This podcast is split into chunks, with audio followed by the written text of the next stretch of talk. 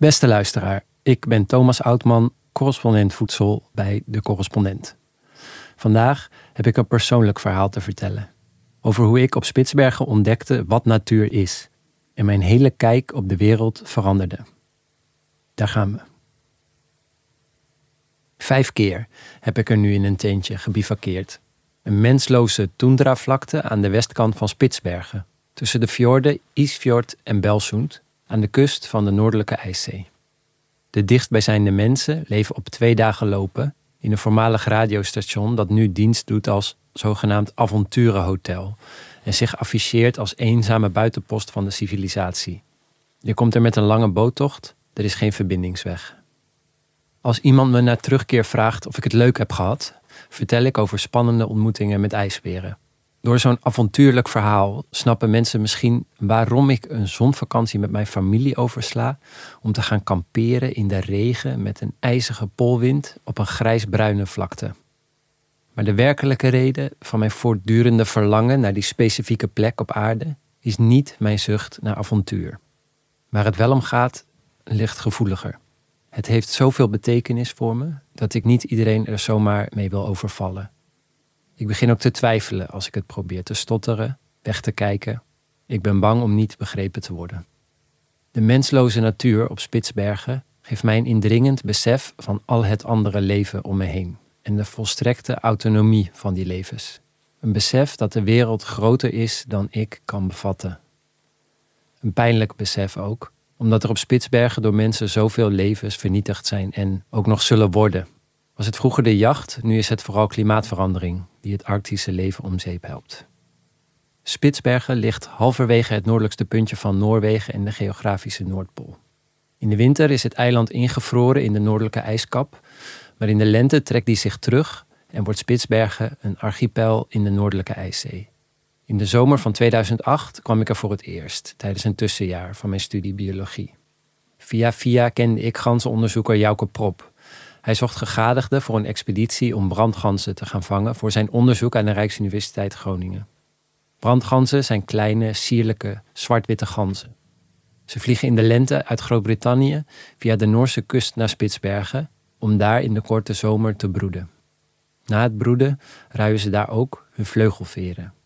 Gedurende een paar weken zijn alle ganzen dan aan de grond gebonden. Het moment om ze te vangen. Die vangexpeditie bleek het zwaarste wat ik ooit zou doen. We waren door een boot afgezet bij het eerder genoemde avonturenhotel. Al tijdens de twee dagen lopen naar het studiegebied, kampeerspullen op de rug, raakte mijn Achillespezen ontstoken. Mijn rubberlaarzen, nodig vanwege de vele riviertjes en moerassen, pasten niet goed. Mijn slaapzak bleek te koud en mijn dunne matje kansloos tegen de opstijgende kou uit de bevroren grond. Ik leerde noodgedwongen hoe ik me in mijn tent uit mijn druipende kleren moest wurmen zonder de rest van mijn schamele spullen nat te maken. Het regende meestal. We liepen elke dag kilometers met netten en opblaaskano's, soms nog meer kilometers om geen slapende ijsberen wakker te maken. S'avonds dineerden we met rijst of pasta en gevriesdroogde groenten. Of niet. In de zomer wordt het niet donker op Spitsbergen en de dag eindigde niet als het donker werd, maar als de vangst klaar was. Soms was het zogenaamde avondeten om acht uur ochtends. De volgende dag begon dan in de namiddag na een paar uur slapen. Of niet. De beurtelingse ijsberenwacht, de kou, een klapperende tent en een gebrek aan duisternis braken mijn zogenoemde nacht meedogenloos. Het was wat je noemt een beproeving. Maar na een paar weken begon het te wennen. Mijn voeten leerden omgaan met mishandeling. De regen werd ook wat minder. Ik was zo moe dat ik in slaap viel zodra ik mijn geïmproviseerde kussen raakte. Ochtends werd de havermout steeds lekkerder, tot ik er met veel smaak elke ochtend drie kwart liter van weglepelde. En samen met mijn eetlust werd mijn innerlijke kachel flink opgestookt. Ik had het niet meer koud. En toen op een dag de mist even optrok, bleek ik in een uitzinnig landschap te kamperen. Besneeuwde bergtoppen aan de ene kant, een knalblauwe vlakke zee aan de andere. Het zeewater was zo schoon dat ik de term glashelder zelf had kunnen bedenken. De tundra had zoveel schakeringen groen, bruin en grijs dat er geen noodzaak was voor andere kleuren. En dan de dieren. De langstrekkende ijsberen die we van afstand urenlang konden bekijken, terwijl zij ons observeerden, tussendoor dommelend op een restje sneeuw. 5 graden Celsius is warm voor een ijsbeer. Walrussen op het strand, zich verradend met hun gesnuif en hun weerzingwekkende lucht. Langs de tent scherende kleine jagers, hybrides tussen brutale meeuw en slinkse roofvogel, die hun kostje vergaarden door drieteenmeeuwen zodanig het leven zuur te maken dat die hun vis uitkotsten. En natuurlijk de ganzen, de sierlijke kleine brandganzen en hun kuikens, voor wie de tundra, net zo goed als voor ijsberen en walrussen, ook een thuis is. Ze kwamen langzaam dichterbij, elke dag een beetje. Ik werd opgeslokt door de natuur. Van Jouke Prop leerde ik door het gebied te lopen zonder door ganzen gezien te worden.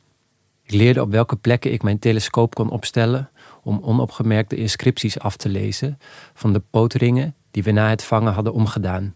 En ook de grote mantelmeeuw niet te pesten, die mij met zijn alarmroep zou verraden. Ik leerde om aangespoelde boomstammen en walvisbotten niet achterloos te verplaatsen, omdat die na tientallen, soms honderden jaren op de tundra een heel ecosysteempje om zich heen hebben verzameld. Ze gingen me steeds meer opvallen, die mini-oases van kleine plantjes, hooguit een paar centimeter hoog, tergend langzaam groeiend uit de weglekkende mineralen van een rendierruggenwervel. Ik ging de schaarse, paarse, gele en witte stipjes op mijn netvlies herkennen als minuscule tundrabloemetjes. Net zo compleet en mooi als welke bloem dan ook, maar in al hun bescheidenheid verfijnder dan het delicaatste veldboeket. De schoonheid van de tundra laat zich niet vangen op een foto of in een film, of door ernaar te kijken vanaf een cruiseschip of door het raam van een hotelsuite. Zelfs niet, althans niet in haar volle omvang, door er een wandeling in te maken. Het is schoonheid die zich langzaam maar zeker meester van je maakt, als een beloning voor je voortdurende aandacht.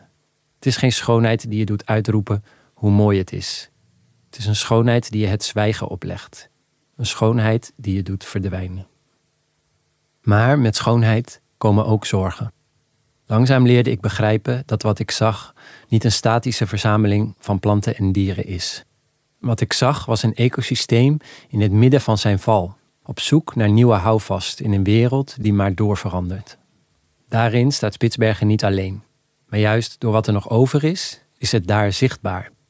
Walvisbotten herinneren aan de walvisvaders die op het strand hun buit slachten, maar ook aan het feit dat je er zelden een levende walvis ziet. Groepjes walrussen aan de kust zijn een schamele herinnering aan de tijd dat ze met duizenden tegelijk op de stranden tegen elkaar aanlagen te schurken. Dat was voordat ze door mensen werden uitgeroeid, omdat de walvissen op waren. De bezoeken van ijsberen aan de tundra zijn een manifestatie van de bittere realiteit dat de habitat waarin dit dier koning is, verdwijnt.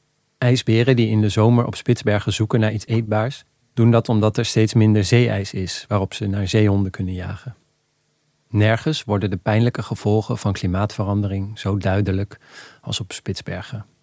Want het is niet de vraag of het laatste ijs op de Noordpool zal smelten. De vraag is of dat in 2035 zal gebeuren of in 2050. De arctische natuur is aan het verdwijnen en dat is wat ik zie gebeuren. Ik heb leren houden van iets wat er straks niet meer is. Soms twijfel ik zelfs even of ik er nog wel heen wil, naar Spitsbergen. Want als ik daar ben, dan is er één element dat de unieke mensloosheid verstoort. En dat ben ik zelf. Hoe ik ook mijn best doe om te verdwijnen. Het maakt mijn heimwee naar de tundra niet minder. Maar ik hoef er niet meer heen om dat gevoel terug te krijgen, om te verdwijnen in de natuur. Ik verdwijn nu zelfs in mijn eigen tuin. Als ik nu vogels langs zie vliegen, zie ik meer dan vogels alleen. Ik zie niet alleen een groepje ganzen, ik zie koolganzen die terug zijn uit Siberië. Ik hoor niet alleen gegak, ik hoor grauwe ganzen. Die zijn opgejaagd door een boer die hun zijn gras niet gunt. Op weg naar een weiland in de buurt waar ze wel mogen zitten. Als ik kijk naar de brandnetels in mijn voortuin, zie ik geen onkruid. Wat ik wel zie tussen de bladeren is een rups van de Atalanta. En dan denk ik aan de koolmezen uit de nestkast van mijn buren, die daarmee hun jongen voeren. Als de bladeren van mijn kersenboompje verschrompelen door de bladluizen, zie ik wegmieren die massaal komen opdraven om hen te beschermen tegen andere insecten. De mieren eten van de zogenaamde honingdauw, die de luizen afscheiden, een soort nectar.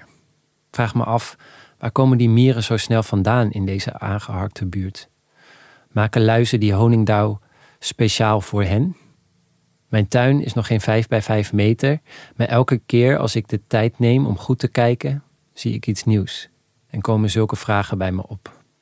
Ik ben nu een slechtere tuinman. Als ik moet snoeien, verzand ik in vertwijfeling.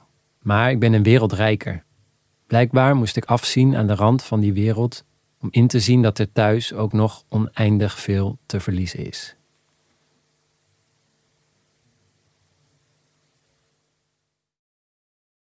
Maar mag ik u vragen waarom u vandaag zo boos bent, meneer Pronk? Want u maakt dit al twintig jaar mee. Ja, exact. Met u en met uw collega's. Dus ik weet niet meer wat ik en moet wat doen. is de reden waarom u nu zo verschrikkelijk boos bent? Antwoord geven of geen antwoord geven, het is nooit goed. En daarom weet ik het dus verder niet, dan ga ik nu vergaderen.